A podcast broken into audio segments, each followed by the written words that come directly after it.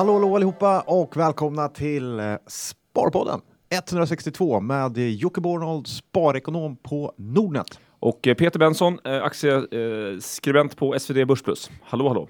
Läget? Bra. Uh, nej, men det är bra. Vi, uh, det jul, jul, julen närmar sig. Det lackar mot jul. Ja, skönt. Ja. För jag är trött. Ja, jag börjar känna mig lite sliten. ja jag är lite sliten in också, men sanningen ska fram. Eh, så det, det ska bli skönt, lite ledigt framför allt. Ja. Om, man Du- nu, om man nu får något ledigt. Det är väldigt dåligt med eh, röda dagar. Det är arbetsgivarjul. Eh, ja, verkligen. Ja. Nej, som, Eh. som småföretagare så tycker jag det är ganska bra.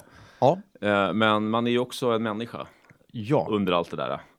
Och, och där kan man ju tycka att det vore skönt med ledigt. Sånt där slog ganska hårt på Nasdaq faktiskt, på budgeten, för Ja, okej. decemberbudgeten. Fick man, tror man brukar räkna på om det är så här 22 dagar, Ja. handelsdagar eller och skilde det två, tre dagar mot föregående år. Det, det. slog rätt hårt. Just det. Men det, kan, det måste vara ganska väsentligt även för Nordnet. Jag tänker att de här sista dagarna är rätt viktiga spardagar. Ja, Eh, folk ska hålla på mm, liksom här, flytta om och, och, och göra olika dispositioner och mycket aktivitet. absolut. Men det var ju mycket mer som förr i tiden. Mm. Eh, för de som hängt med i aktier länge så var det ju väldigt mycket handel kring att man skulle lägga sig i Ja, det fanns A och O-listan och Mm. det här. eh, Jag kommer inte ihåg riktigt hur det där var. Men, Ja, det var förmögenhetsskatten så ville du ha eh, O och OTC-aktier. Just va? det. Och Hennes och Mauritz valde att lägga sig eh, på O-listan. Just det. Vilket gjorde att eh, många flyttade då, det låter ju ganska bisarrt, man flyttade sitt aktieinnehav Mm. för att slippa betala förmögenhetsskatt. Ja. Flyttar man från A till O-listan innan eh, årsskiftet Mm. eh, och flyttade sen tillbaka ofta då efter. Just det. Skapade väldigt mycket courtage på bankerna. Ja. Oklart om man tjänade någonting på det, för det blev liksom en kursreaktion i Ja. många av de här bolagen som gjorde att det åt upp. Men det viktigaste, man slapp betala skatt. Ja. Och väldigt många tyckte att det var det viktigaste. Det spelar ingen Eh, roll om man förlorar 5% på aktien, Nej. bara man sparar 1% på skatten. Nej, så var det. Ja, det är väl bra att sånt där är borta. Det är, Ja, det är det. Det- det, är det- det. är och, och när fler har i kapitalförsäkring och ISK så, så blir det också mindre incitament att hålla på och ta fram förluster och vinster på Ja. olika sidor årsskiftet så är det. och matcha ihop dem. Jajamän. Ehm, Du, eh, vi tänkte inte köra så långt idag. Ska vi inte bara bränna på här med lite frågor? Oh, Absolut. Vi hade ju sparmål som tema förra gången. Mm. Och, och vi tänkte väl liksom göra lite en eh, återblick på det. Och vi har fått några, några läs, lyssnarkontakter och eh, lite ris och lite ros och, och lite extra tankar från oss också kanske. Ja, Ska jag läsa så vi kommer i stämning här? Ska jag, Ja. läsa, jag läser från eh, Båtspararen som har skriver så här. Hej, lyssna precis på er podd. Mitt sparmål är att köpa en båt.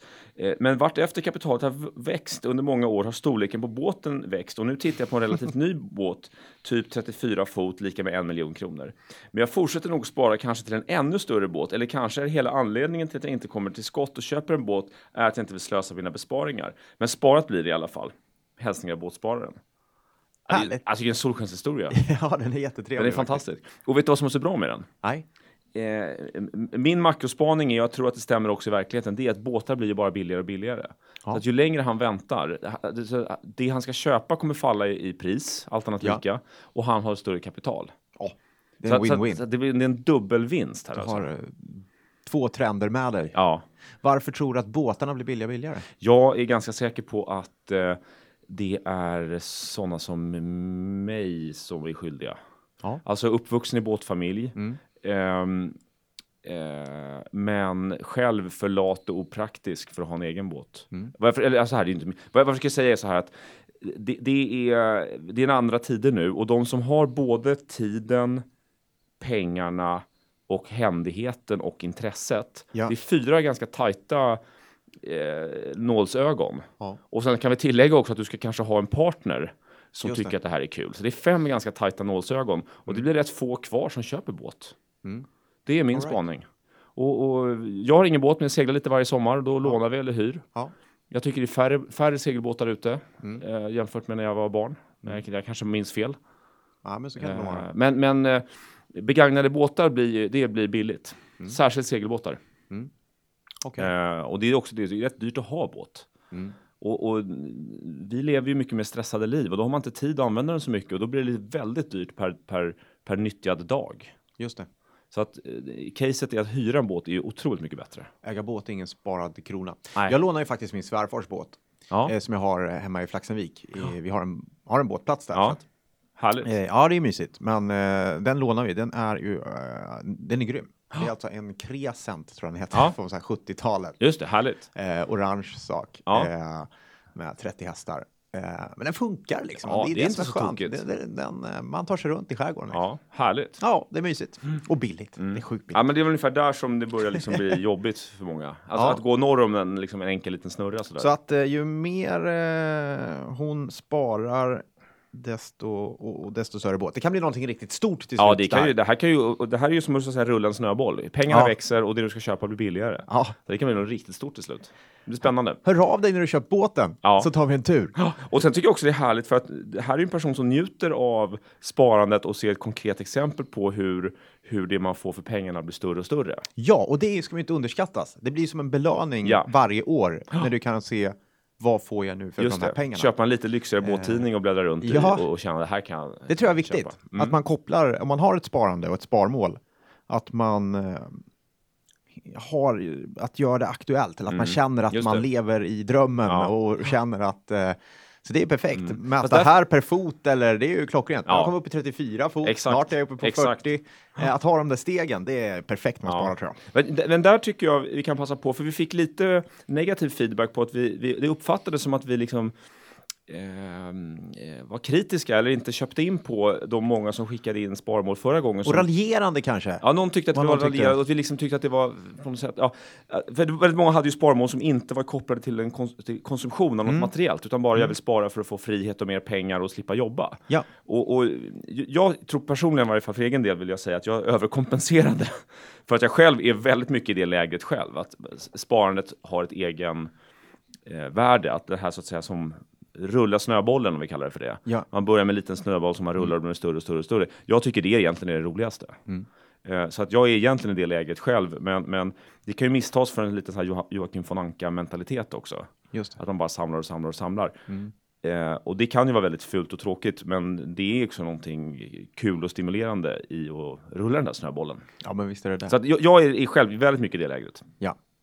Eh, Och det var inte menat att vara raljerande. verkligen inte. Det var det absolut Verkligen inte. inte. Eh, Störst, Nej. stor respekt till, till eh, de som har den drivkraften. Absolut. Så det, keep rolling era snöbollar. Och den liknelsen kommer för övrigt från eh, den här mest kända boken om Warren Buffett, som heter Snowball. all right. Han rullar sin snöboll. ja. Den är rätt stor han, nu. han har rullat på rätt bra. Den är rätt stor. Eh, Bra, vi hade faktiskt en, en till som kom in som jag tyckte Ja. var så kul. Eh, för här har vi en kille som heter Andreas. Han skriver så här. Tack för en grymt bra podd. Blir alltid lika glad när jag ser ett nytt avsnitt har kommit ut. Ja, kul. Um, jag måste missat eh, när ni sökte lyssnarnas sparmål förra veckan och hörde att ni knappt eh, hade några som sparade för, till något objekt. Sådär. Så jag tänkte ge ett litet bidrag. Mitt mål är att köpa en Aston Martin innan jag blir 30. Eh, det vill säga om nio år. Just nu har jag 450 000. Så jag känner jag goda chanser att nå mitt mål. Har gått bra på börsen och kommer nog fortsätta så. Eh, mycket large cap eh, och lite stockpicking som krydda i portföljen. Ha en riktigt bra dag. Eh, du också Andreas. Kul. Kul. Det där kan ju bli en riktigt Ja. eh, schysst Aston Martin. Verkligen. Och där är det väl också så, va? allt annat lika kan man väl tänka sig att, att, att du får en, en schysst, alltså en schysst bil blir väl liksom billigare, skulle jag gissa. Mm. Alltså begagnat, det pratade vi om i en tidigare podd, att begagnat bilar kommer ju falla i värde. Ja, så är det. Högst sannolikt. Nio år är lång tid, vi vet inte så mycket vad som händer då. Men, men eh, det finns goda chanser att han, eh, Eller så köper han en helt ny då. ja, jo. Men, men eh, det, det förtäljer inte historien. Nej. Jag ser framför mig en sån här James Bond eh, Aston Martin. De Ja. är i och för sig galet dyra. ja, det är sant. Det är sant. Ehm, alltså från 60-talet. Det kom vi fram till igår. Både du och jag gillar ju James Bond. Ja, just det. faktiskt. Eh, Det är bra grejer. Det är bra grejer. Det kan vi rekommendera. Ja. Det var ett riktigt Jag sidospår. tror vi får ta ett specialpodd om det nästan. Ja. Det, det kommer bli så dålig stämning om vi börjar eh, säga vilka favoriter vi har där. Ja, jag tror det. Ska vi köra en till fråga här va? Eh, jag kör en här. Ursäkta. Eh, Hej, jag har en fundering som riktar sig till Sparpodden. Det talas ofta om att Skistar är en säsongsbetonad aktie eh, av uppenbara skäl eh, och som gärna ska köpas under sommaren då intresset tenderar att vara högre under vintern. Men det konstaterades Eh, med det konstaterandet är det alltså för sent att köpa Skistar nu, så jag började tänka på om det fanns några klassiska sommaraktier som med samma logik skulle kunna vara köpvärda nu under vintern. Har ni några förslag? Ja. Ehm, ja, men då tänker man ju på så här klassiska sommarbolag. Ja. Eh, Kopparbergs bryggeri eh, till Ja, exempel, cider, eller ja. Mm. cider. Eh, Alvesta glass finns det ett litet sånt bolag. Ehm, men jag tror det är ganska svårt att hitta bolag som eh, Ja, det man ska köpa på, här- våren och sälja till Ja, hösten. nej, alltså, det, nog nu, nu pratar vi bara om sådana som har väldigt mycket av sin intjäning under. Ja. Och den, den tydligaste tycker jag nog är det här lilla aktietorgsbolaget Nordic Camping ja, som äger ett 20-tal campingplatser. just det. Eh, De har ju haft en fantastisk business under vintern de senaste åren för de har hyrt ut till Migrationsverket. Ja, Men det är det slut med nu. Mm. Eh, och rent strukturellt så jag menar, tänker man på en camping så tänker man på sommaren. ja. Ehm, så- Men om man hittar de där väldigt säsongsbetonade bolagen inte- som ja. Skistar Mm. eh, så är det klart att blir det en väldigt bra sommar så Mm. är det väldigt snabbt resultat i bolaget och det syns på aktiekursen. Så där finns ju någon slags spekulation man kan göra Mm. till exempel. Men eh, att hitta eh, ett bestående trendmönster i att köpa och sälja, det. det. funkar inte. Nej. Tyvärr. Just det, Bra idé. kommer jag men- på nu också faktiskt att Nordic Camping är under uppköp.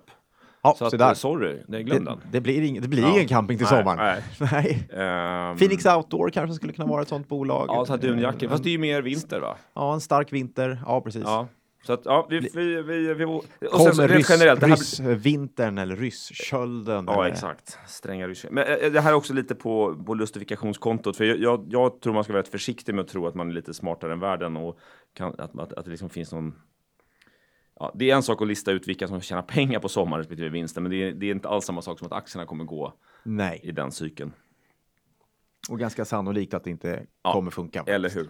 Men du, vi har en till, um, apropå ryssar höll jag på att säga, men apropå öst så har vi en fråga från Genghis khan faktiskt. Ja, Den gamle mongolhärskaren. ja. Eh, som på Twitter skriver så här. Det på Twitter blir det lite korthugget och det kanske är mongolisk. Eh, man kanske är lite eh, eh, lakonisk i sitt uttryckssätt. Han skriver så här. Min morsa är 55 år. Jag, jag övertalar henne att fortsätta med bara aktierisk fram till 65. Ingen ränta fram till 65 alltså. Bra?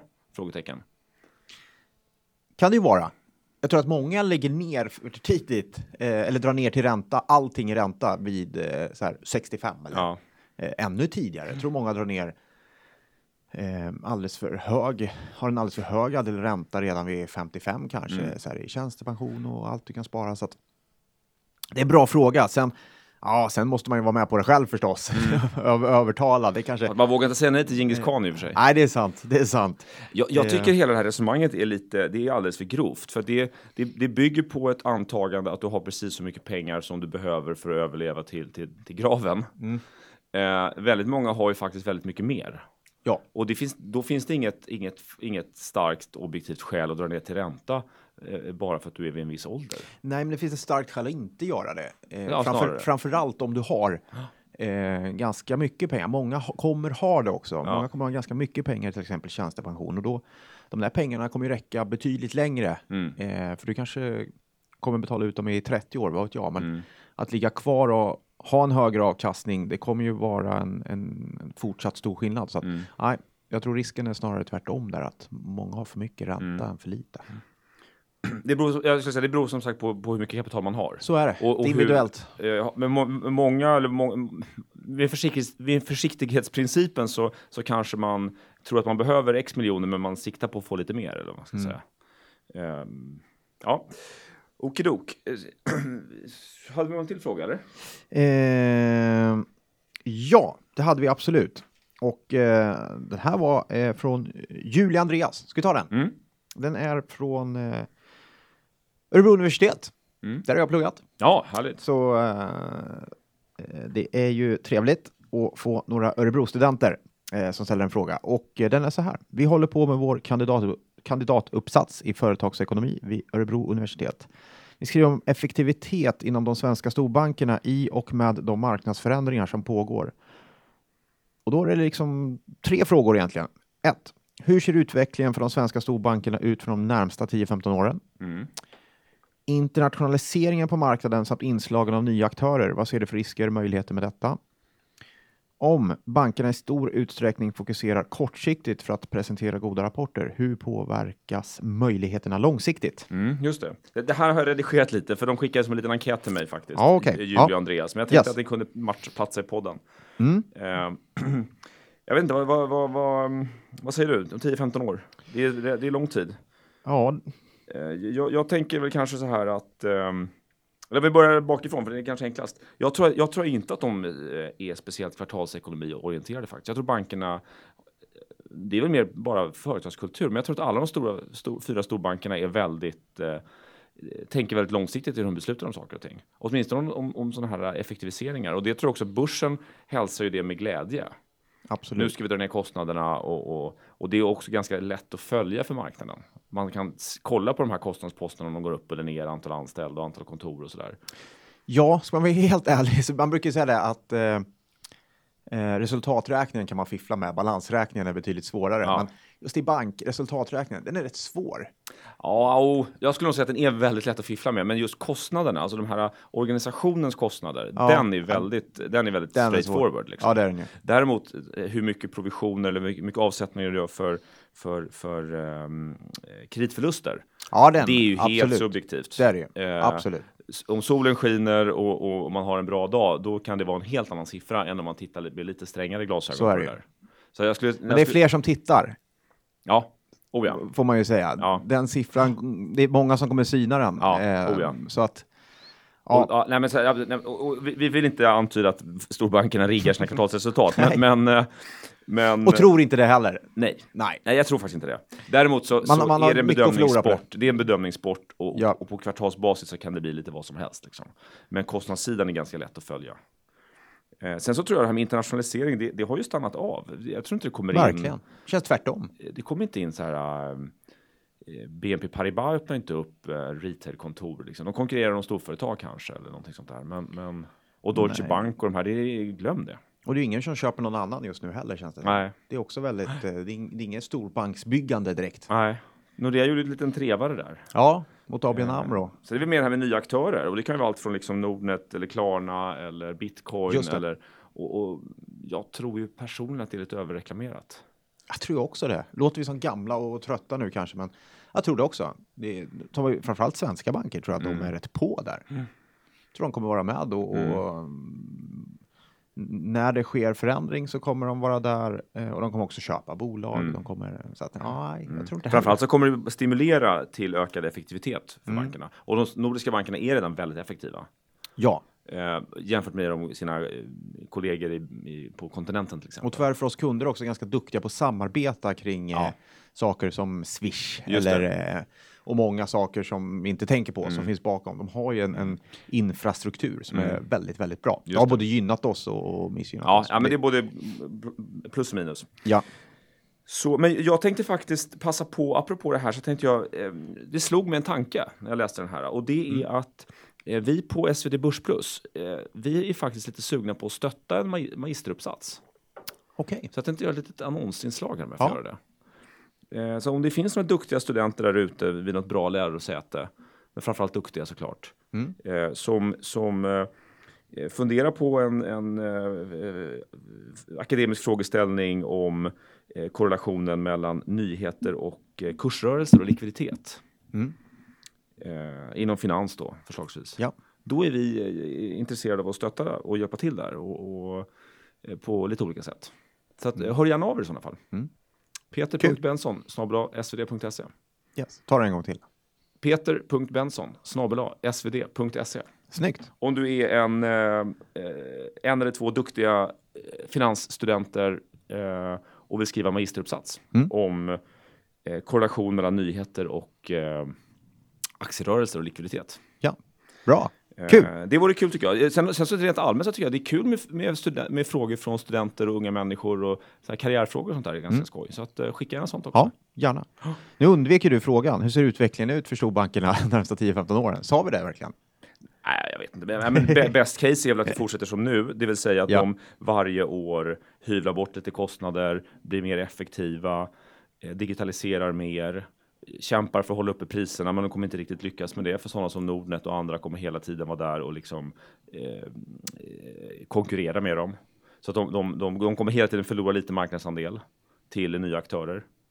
Men jag tror fortfarande de kommer vara, finnas kvar och vara stora, men inte lika stora. Mm. Men de kan mycket väl tjäna lika mycket pengar tror jag. Ja, jag tror också det. Någonstans. Det är, vi får se. Vi får se. Bra, bra, Bra. fråga. Ska vi... Eh, Det var eh, rapport från SAS Ja, idag. det har det varit. Och det, jag tycker ja, berätta, vad, har du koll på det? Jag har lite koll på det faktiskt. Det, Mm. det finns några bolag som jag följer lite mer än andra. Eh, och SAS är ett av dem faktiskt. Ja. Och det är inget jag äger. Nej. Jag kommer sannolikt aldrig äga heller. Så det Nej. är inte av det intresset. Eh, men det är ett intressant bolag. Ja. Eh, det händer mycket kring bolaget hela tiden. Eh, och kom rapport eh, idag. Och eh, man konstater- kan konstatera att de tjänar någonstans en miljard. Mm. Eh, och det är rätt Alldeles för lite. alldeles för lite. Det är otroligt lite. Mm. Därför att de har en, man pratar ju kabinfaktor. Mm. Man pratar flygbolag som är, och den är jättehög. Mm. Det ser jättebra ut. Jag tror till och med rekordnivåer. Mm. Och de har ju ett bränslepris eh, som har varit med dem. Och de har inte än riktigt fått den här höga dollarn. Det släpar efter lite grann Nej. för SAS. Ja, Så det blir eh, snyting när det kommer. Mm. Så de borde gjort ett riktigt, riktigt bra resultat, eh, vilket de inte gjorde. Eh, och ehm, det bara visar eh, behovet av, de måste ju spara då. Mm. Det är liksom det de måste göra. Och, ehm, då var det så här att i, det är ganska intressant, i vd-rapporten då eh, så skrev Rickard Gustafsson Mm. att ja, det kan bli aktuellt. Mm. Vi kikar på, vi utvärderar, tror jag han använde ordet, eh, möjlighet att lägga en bas utanför Skandinavien. Ja, okej. Och det är en sån här het potatis inom SAS. För de här Eh, 314 fackförbunden, ja. eller vad det är. de, Så många de, är det inte, men 30 är det säkert. Ja, de någonstans. kommer ju mm, kämpa för verkligen för. Så det kommer blåsa upp till storm. För Mm. aktien sjönk i början, men sen hade de presskonferens. Och då kom det förstås frågor om det här. Och då var det betydligt mer än att man skulle fundera på det. Då, då kändes det som att nej, det här är på gång. Liksom. Ja, Det här är någonting de gör nu. just det. Och det här kommer det bli bråk om. Mm. Eh, så jag- ska man ut och flyga nästa år så ska man vara beredd på att någon, någon strejk kommer dyka Ja. upp i SAS för att eh, det här är superkänsligt. Mm. Men extremt nödvändigt. Antagligen nödvändigt. ja. Ja, intressant. Jag Så- hade ju SAS pref-aktier, preferensaktier förut. Ja, Eh, Det pratade vi om i podden ett antal Mm. gånger. Men de, de hivade ut faktiskt med hygglig förtjänst. Samma dag som, de, som det var massa politiker ute och sa att vi kommer aldrig mer stötta en nyemission. Mm. Jag tyckte det kändes som de menade det. Mm. Och det var ett starkt skäl att ha den aktien. Att, ja det var det. att, att det kändes som att de var med på tåget.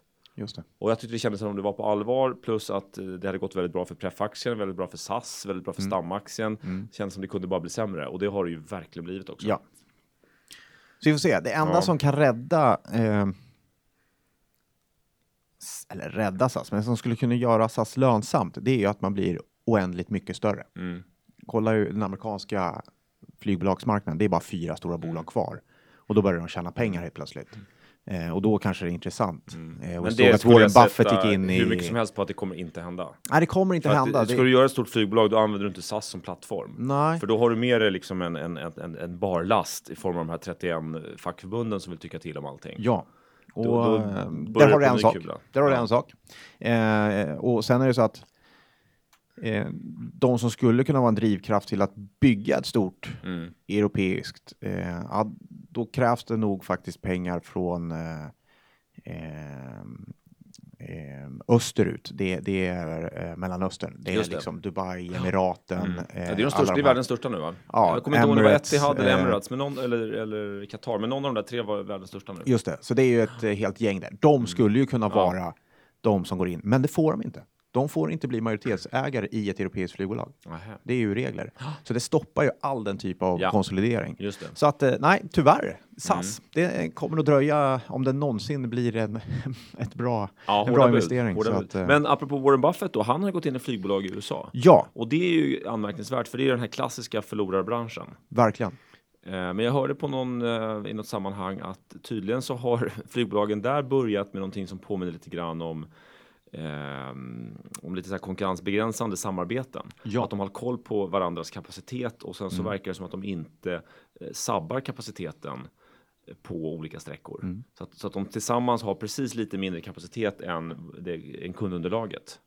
Ja. Men det känns, jag vet inte om det är stabilt liksom, men, men det är ju Nej, vi får se. Men det har ju varit en galen konsolidering i USA. Ja. Eh, och nu är de fyra stora Mm, kvar och då börjar det. de tjäna pengar. Så att, eh, han kanske har rätt Buffett. Men det Ja. kommer inte hända i Europa. Ja, men det finns ju en, en klassisk sån här börs, eh, ett börsordspråk, att ett, ett bra sätt att börja med en, att skapa sig en liten förmögenhet, det är att börja med en stor och investera i flygbolag. Ja, precis.